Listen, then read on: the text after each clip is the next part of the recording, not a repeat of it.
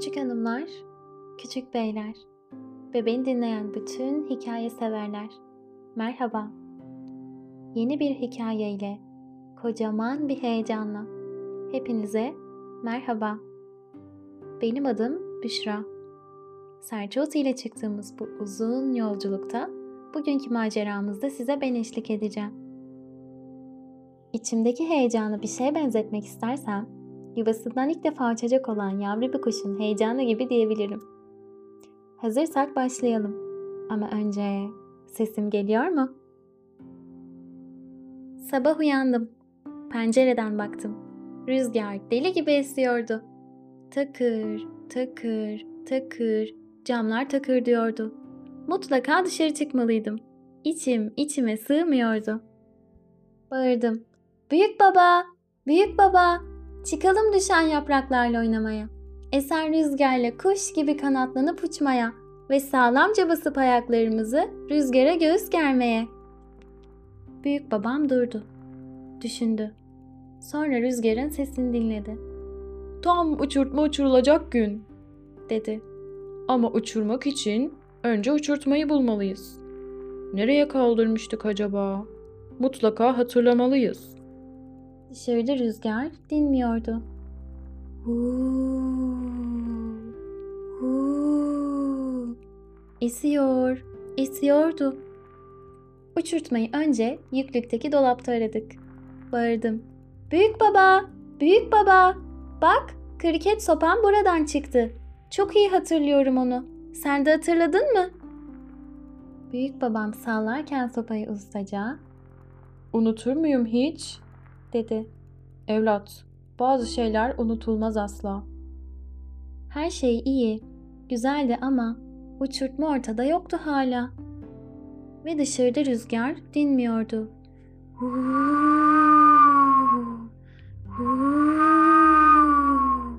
Islık çalıyor, uğulduyordu. Biz de çalışma odasını aradık. Bağırdım.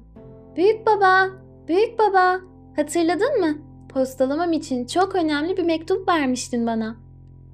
Büyük babam dedi ki, Ya, doğru söylüyorsun. Öyle bir yağmur vardı ki sandalla gitmiştik postaneye. ve dışarıda rüzgar dinmiyordu. Wow! Wow! Kabına sığamıyor, sanki inliyordu.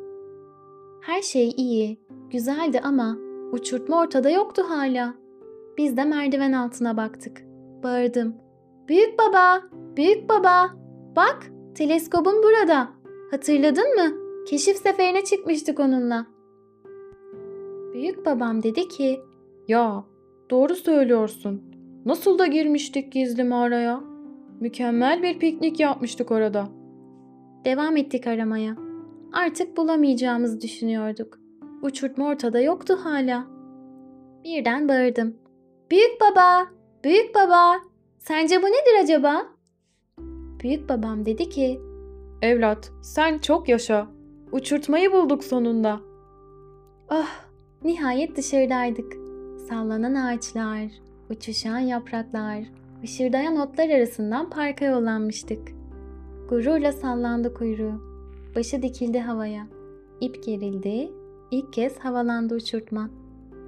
Aman evlat, dikkat et. Dedi büyük babam. Sıkı yapış ipi. Sakın bırakma elinden.